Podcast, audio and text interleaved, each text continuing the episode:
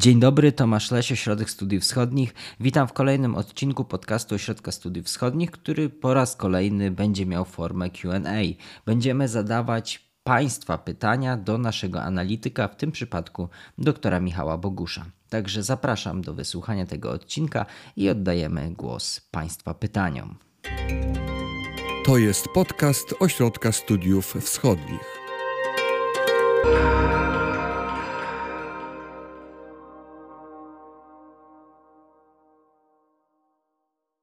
Czy Chiny mają podobne ambicje co do Syberii, jak co do Tajwanu? Nie, moim zdaniem nie z prostego powodu. Już teraz dzięki sojuszowi z Rosją mają dostęp do wszystkich zasobów na Syberii, a przyjęcie tego regionu tak naprawdę byłoby ekonomicznie niewskazane.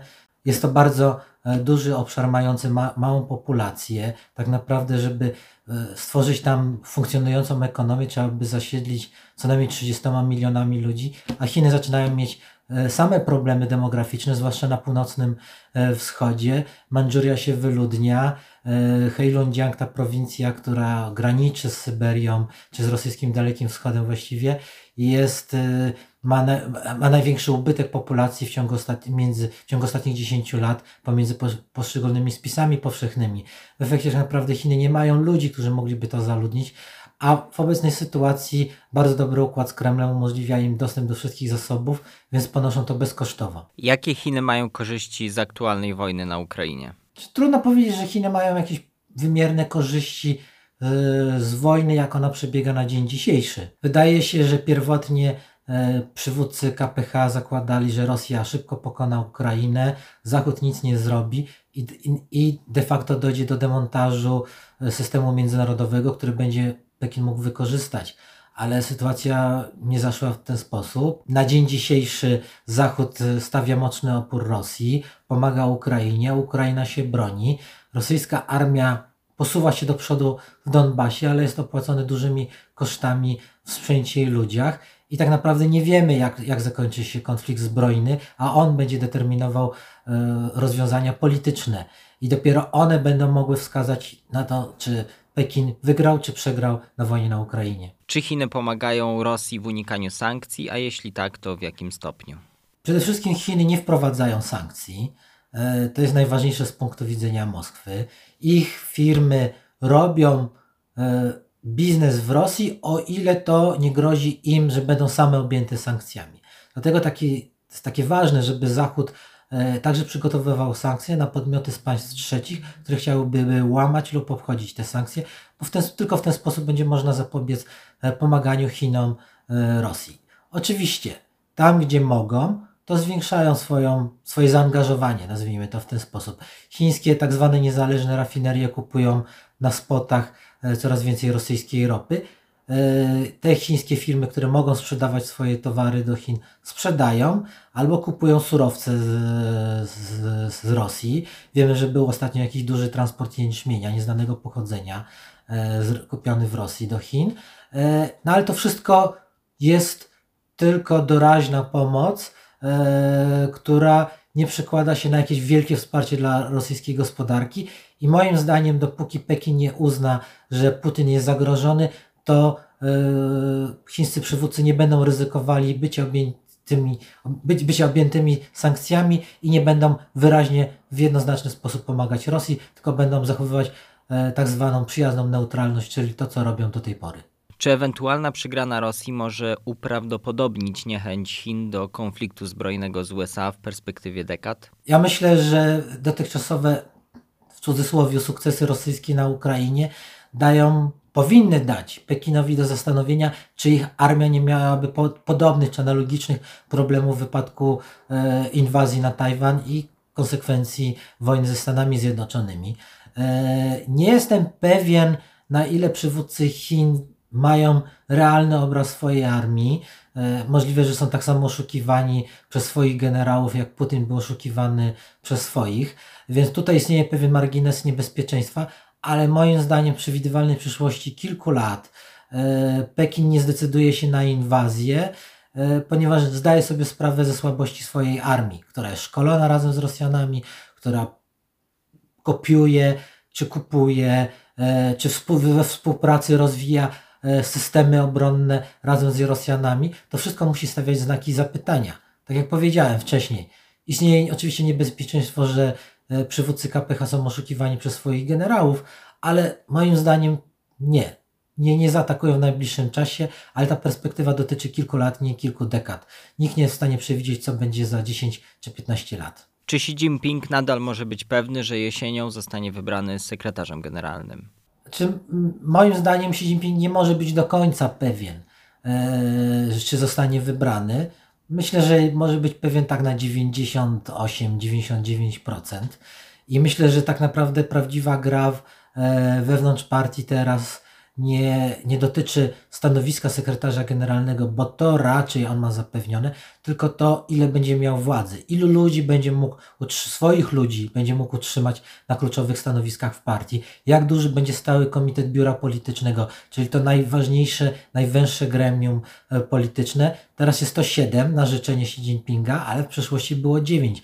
Jeżeli się powiększy, to będzie oznaczało, że więcej frakcji będzie będzie mogła, więcej, większa liczba frakcji wewnątrz partii będzie mogła wsadzić do stałego komitetu swoich ludzi i w efekcie władza Xi Jinpinga będzie bardziej ograniczona. Więc ja myślę, że można spokojnie powiedzieć, że raczej zostanie wybrany, ale pod znakiem zapytania, pod dużym znakiem zapytania stoi zakres jego władzy po najbliższym zjeździe.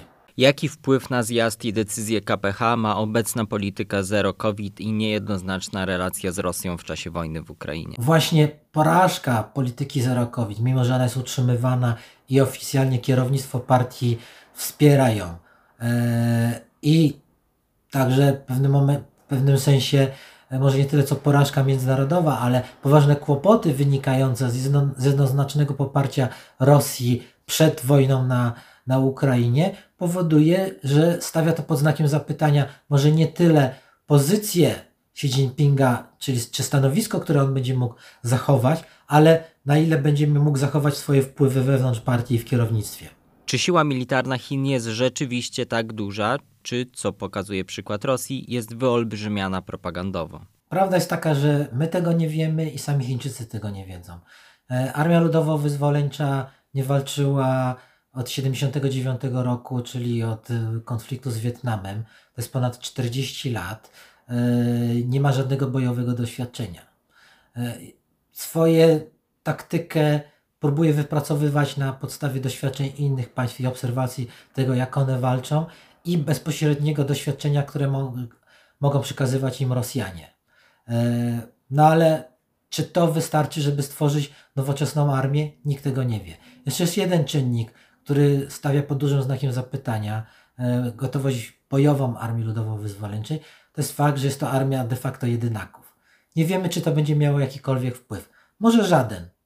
Może będzie miało bardzo duży wpływ na psychikę, zachowanie się żołnierzy na polu walki w sytuacji, w którym wokół ich towarzysze będą umierali, ginęli, e, jak oni będą reagowali. Tego nikt nie wie, ponieważ nigdy nie mieliśmy do czynienia w historii świata e, z armią jedynaków. W efekcie trudno, trudno nawet spekulować na ten temat, czy będzie miało to wpływ, jaki będzie miało wpływ, a może żaden, może duży yy, i tak dalej. Ale to jest dodatkowy czynnik, który stawia pod znakiem zapytania yy, zdolność bojową Armii Ludowo-Wyzwoleńczej. Yy, też jest kwestie technologiczne, ilości wysycenia sprzętem. To prawda, że armia ma, chińska armia ma więcej sprzętu, ma dużo nowoczesnego sprzętu, szybko się modernizuje, ale nie przekłada się to koniecznie na wyszkolenie i zdolność E, operatorów do działania, determinację e, i tak dalej, i tak dalej. To wszystko są, e, stawia pod dużym znakiem zapytania jej zdolność bojową, ale podkreślam, to nie oznacza, że ona jest niska, ale stawia jakieś znaki zapytania i powoduje, że możemy się zastanawiać nad tym. A tak naprawdę nikt nie zna tej odpowiedzi i mam nadzieję, że nie prędko E, przekonamy się o tym dopiero, kiedy ona pójdzie do walki. Czy jest potencjał do zmiany ekipy i czy Xi kontroluje i panuje nad sytuacją i potencjalnymi konfliktami interesów wewnątrz państwa? Czy myślę, że bardziej trzeba by pytać się nie o państwo, a o partię. E, na dzień dzisiejszy Xi w miarę kontroluje sytuację, przynajmniej kierownictwo, a kontrolując kierownictwo, kontroluje aparat partyjny do jakiegoś stopnia. Tylko, że władza to nie jest coś, co można raz uchwycić i i trzymać się jej do końca. To, to nie jest, nie wiem, jak pałka, czy coś takiego. Porównał władzę do wody, którą można zaczerpnąć w, do rąk, ale ona zaraz zaczyna przeciekać, uciekać i tak naprawdę, żeby mieć ręce pełne wody, trzeba co chwila zaczerpywać tej wody ze strumienia, wiadra czy czegokolwiek, co chwila, co chwila, żeby utrzymać jakikolwiek jej poziom. I tak samo jest z władzą. Władza raz dobyta bardzo szybko ucieka, przecieka nam przez ręce i trzeba ją, o nią cały czas zabiegać. I tak naprawdę obecna sytuacja, bardzo złożona, międzynarodowa, plus e, powoli, powoli zbliżający się poważny kryzys gospodarczy powoduje, że nie wiemy do końca, jaka jest pozycja, rzeczywista pozycja Xi Jinpinga i jego otoczenia. Moim zdaniem on zachowa władzę na najbliższe 5 lat, będzie miał bardzo duże wpływy, ale poziom tych wpływów, czy będzie większy lub mniejszy niż poprzednio, stoi pod znakiem zapytania. Nie wiemy też, jaka jest dynamika wewnątrz partii. Wiemy, że zmieniła się polityka w tym sensie, e, że tu już nie można mówić o frakcjach opartych o ideologię, a bardziej o rodzinach, klanach opartych o wspólne interesy, ale ta rywalizacja, zwłaszcza w sytuacji kryzysu gospodarczego, to ktoś będzie musiał za niego płacić. I e, rywalizacja już będzie nie polegała na tym, kto więcej nachapie dla siebie, ale kto będzie musiał ograniczyć swoje apetyty i e, ograniczyć swoją konsumpcję, e, żeby starczyło dla innych. Z jakimi wyzwaniami mierzą się Chińczycy na prowincji? Chińska prowincja zawsze borykała się z szeregiem problemów, brakiem takiej samej, samego dostępu do edukacji, do lekarza, e, do, do usług społecznych szeroko rozumianych. E, teraz to jest problem migracji, wyludniania się wsi, starzenia się jej. Często mamy taką sytuację, że są całe wsie zamieszkałe przez dziadków i wnuków, a rodzice wyemigrowali do miast, gdzie pracują i widzą tak, tak naprawdę swoje dzieci raz do roku na chiński Nowy Rok, a teraz w czasie COVID-u nie widzieli ich nawet czasami 2 czy 3 lata. E, to jest bardzo poważne problemy społeczne, ekonomiczne, zdrowotne. E, utrata ziemi e, wynikająca zarówno z rozrostu się miast, jak i z jałowienia, zatrucia gleby, zabierania jej pod inwestycje przez lokalne władze, problemy z wyżywieniem, problemy tak naprawdę cokolwiek moglibyśmy nazwać, dotyka to chińskiej wsi, tylko oczywiście trzeba też pamiętać, że chińska wieś nie jest jednorodna. Będą regiony, w których te wszystkie problemy będą skupione e, i miały swoje miejsce tam, a będą regiony, w których tak naprawdę chińska wieś jest spokojna, bogata e, i popasa. Ale tak jak powiedziałem, jest to bardzo złożona sytuacja, bardzo zdywersyfikowana geograficznie i sektorowo, e, ale nie zmienia to faktu, że wieś jako całość stoi przed poważnymi wyzwaniami, przede wszystkim demograficznymi, kulturowymi, psychologicznymi, gospodarczymi i tak naprawdę e, niektórzy sami chińscy eksperci uważają, że to jest tykająca bomba. Czy Chiny mogą oszukiwać w danych wszelkiego rodzaju, na przykład danych gospodarczych dotyczących inflacji czy wzrostu? Pytanie, co rozumiemy przez oszukiwanie? Oszukiwanie zakłada świadome działanie wprowadzenia kogoś w błąd. Ja myślę, że tak jak za czasów e, słusznie minionych państwa socjalistyczne często podkolorowywały swoje statystyki, to tak Chiny to robiły przez całe dekady. Chiny ludowe. E, czy dzisiaj podkolorowują statystyki? Myślę, że od czasu do czasu się to zdarza.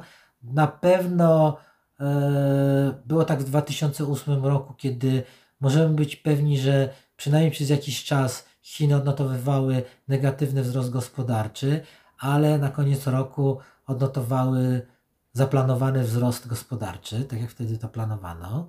E, I to się wydaje, że było mocno nakręcone. Inny problem, który jest chińskimi statystykami, to jest kwestia to, czy partia, czy urząd, Narodowy Urząd Statystyczny zna statystyki, czy rozumie dane, które otrzymuje, czy prawidłowo je przetwarza i przede wszystkim, czy dane, które nadchodzą z prowincji, do centrali są prawdziwe. I tutaj jest tak naprawdę problem e, pies pogrzebany, bo e, prawdopodobnie możemy zgadywać, że na poziomie powiatu są, jest pierwsze przekłamanie, to władze lokalne kłamią prefekturze, prefektura kłam, kłamie, do, e, kłamie do prowincji, a prowincja kłamie do Pekinu.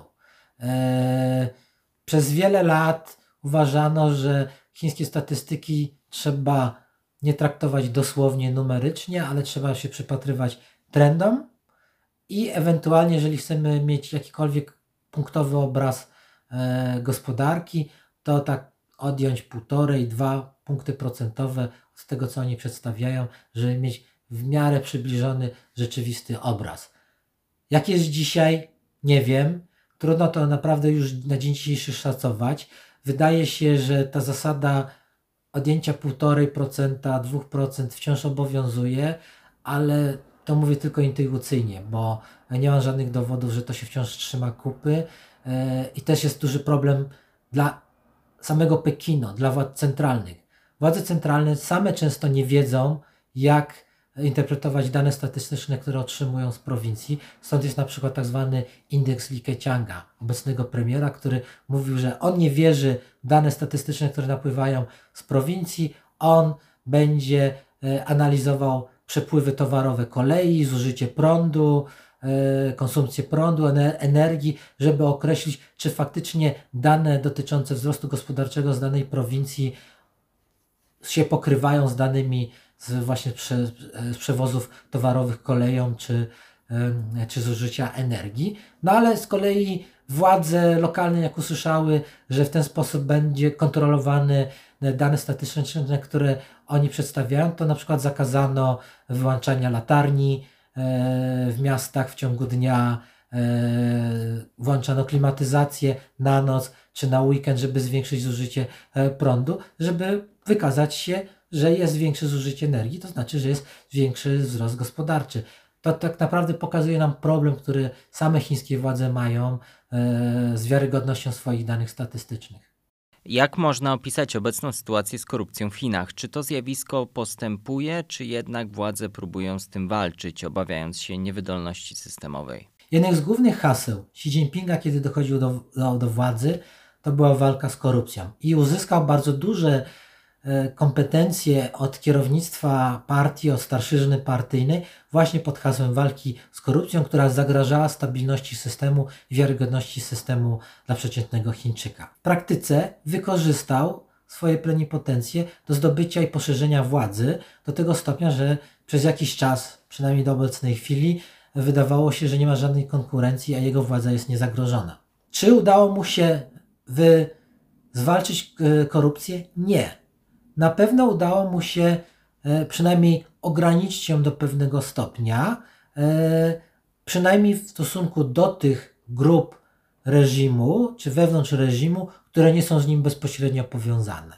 Jeżeli ktoś nie ma pleców, nie należy do grupy Xi Jinpinga, wtedy musi być bardziej ostrożny, nie może sobie pozwolić na zbyt nachalną korupcję, no bo ponieważ to będzie użyte przeciwko niemu i posłuży do wyeliminowania danej grupy, danej osoby z walki o władzę. Ale nikt, kto należy do grupy trzymającej władzę razem z towarzyszem Xi, nikomu z jego otoczenia się nie stała krzywda. Jeżeli takie osoby były, a było kilka takich przypadków, to tylko dotyczyło osób, które wypadły z łaski w jakiś sposób. No i wtedy się jednak okazywało, że towarzysz ten czy tamten, który był do tej pory zaufanym e, szefa wszystkich szefów, no to jednak on nie dopuścił się korupcji. Ale on został, taka osoba została utrącona nie dlatego, że dopuściła się korupcji, ale dlatego, że straciła zaufanie szefa i dopiero wtedy wyciągnięto takiej osobie korupcję. E, więc korupcja, zwłaszcza na tym poziomie podstawowym, najniższym w Chinach, ma się dobrze, jest endemiczna, jest częścią systemu, ponieważ e, kadrowi działacze partyjni zarabiają tak mało, poniżej często średniej krajowej, że oni nie byliby w stanie się utrzymać i w ogóle praca dla partii nie byłaby atrakcyjna bez właśnie możliwości dodatkowego dorobienia sobie. To jest jedyna z zachęt, żeby móc wstąpić do partii, działać dla partii, korupcja. Czerpać z niej korzyści, mieć znajomości, mieć układy, które umożliwiają nam mojej grupie, mojej rodzinie zdobyć dodatkowe fundusze lub zdobyć dodatkowe możliwości zarobkowania w inny sposób. Awansować, wepchnąć kogoś, bratanka, siostrzeńca, siostrzenicę gdzieś na jakieś stanowisko, na dobrą uczelnię i tak dalej, i tak dalej. Inaczej, po co iść do władzy? Po co, po co iść pracować dla partii, której nominalnie zarabia się tylko grosze? Przecież nikt tego nie robi dla idei. Idea od śmierci Mao, jeżeli nie wcześniej, nie ma w Chinach najmniejszego znaczenia na tym poziomie podstawowym. Jaki jest stosunek państwowych mediów chińskich do sytuacji na Ukrainie? Chińskie media państwowe w 100% e, powtarzają rosyjską narrację, czasami słowo w słowo, tylko przetłumaczone na chiński, czasami coś dodają od siebie bardziej antyamerykańskiego, no bo to wiadomo, że to jest ten podstawowy kierunek działania e, partii komunistycznej, jej propagandy, ale tak naprawdę powielają w 100% rosyjską narrację. Jaki jest obraz Polski wśród chińskich władz i w chińskim społeczeństwie w kontekście wojny na Ukrainie? Obrazu Polski wśród chińskich władz w tym kontekście no, no nie znamy. E, wiemy, że były, są bieżące kontakty dyplomatyczne, wymiana także zwanego second track dyplomacji, czyli e, dyplomacji e, drugiego toru. Chińscy eksperci przyjeżdżają do Polski, było kilka wymian, dyskusji, ale one nie dotyczą obrazu, one są bardziej dotyczące konkretnych spraw. Myślę, że tak naprawdę ten obraz jest, jest dosyć prosty, uproszczony.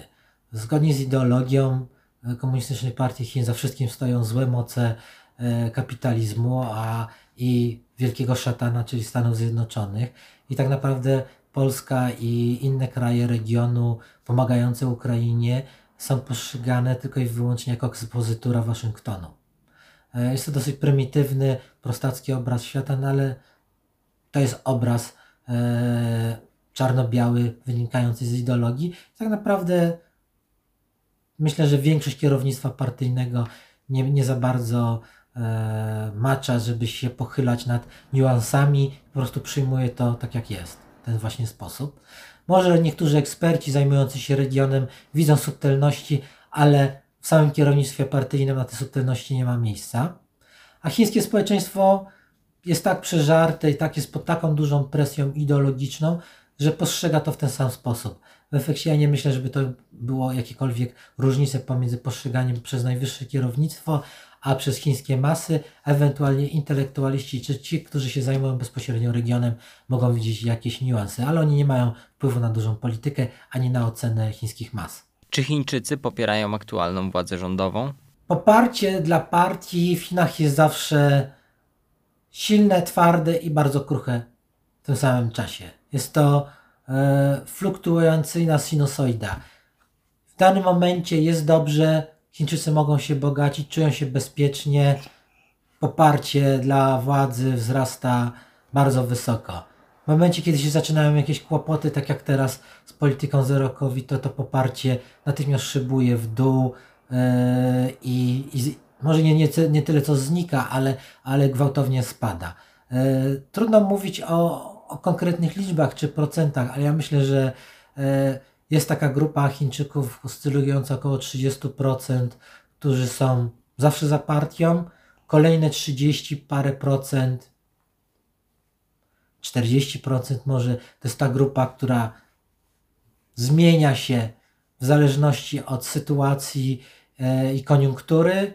I jest te 30%, które są negatywnie nastawione, może nie tyle co negatywnie, ale, ale obojętnie i próbują po prostu przeżyć od pierwszego do pierwszego, e, a grupa, która jest negatywnie nastawiona do partii, no to ona jest bardzo mała, e, ze względu na to, że większość Chińczyków, którzy dzisiaj żyją, nie zna innego świata. Nie, nie zna świata bez partii, bez rządów, bez możliwości działania w ramach systemu. tak naprawdę e, nawet jeżeli nie popierają partii bezpośrednio, to w swojej masie Chińczycy boją się świata bez partii, bo bez partii by boją się po prostu chaosu, który by nastąpił, gdyby partia zniknęła czy upadła. E, podobne pytanie. Czy dotychczasowy obraz potężnych Chin kreowany przez różnych komentatorów ma odzwierciedlenie w rzeczywistości?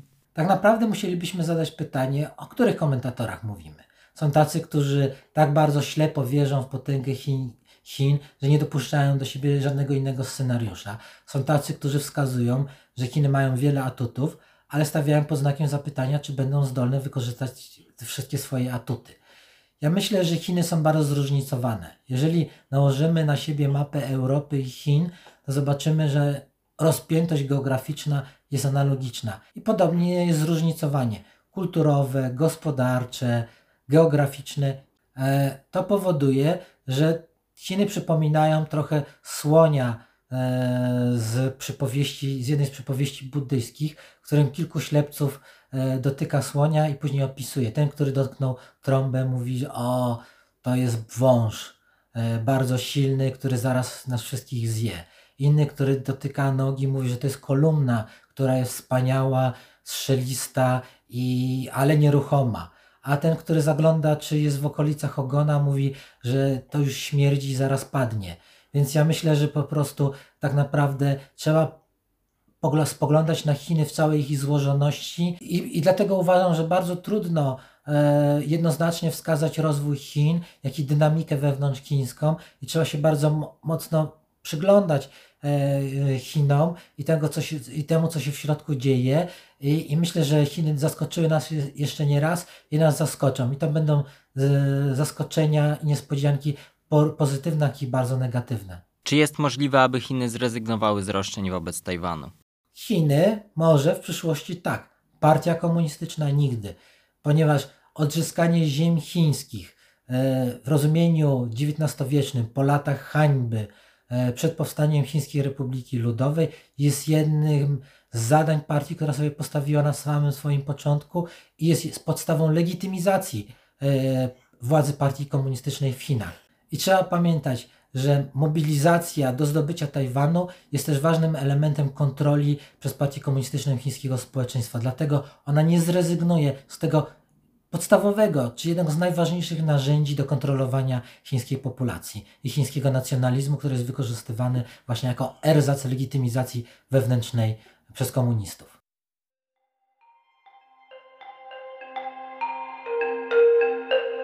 Wysłuchali Państwo podcastu Ośrodka Studiów Wschodnich. Więcej nagrań można znaleźć na stronie www.osw.waw.pl.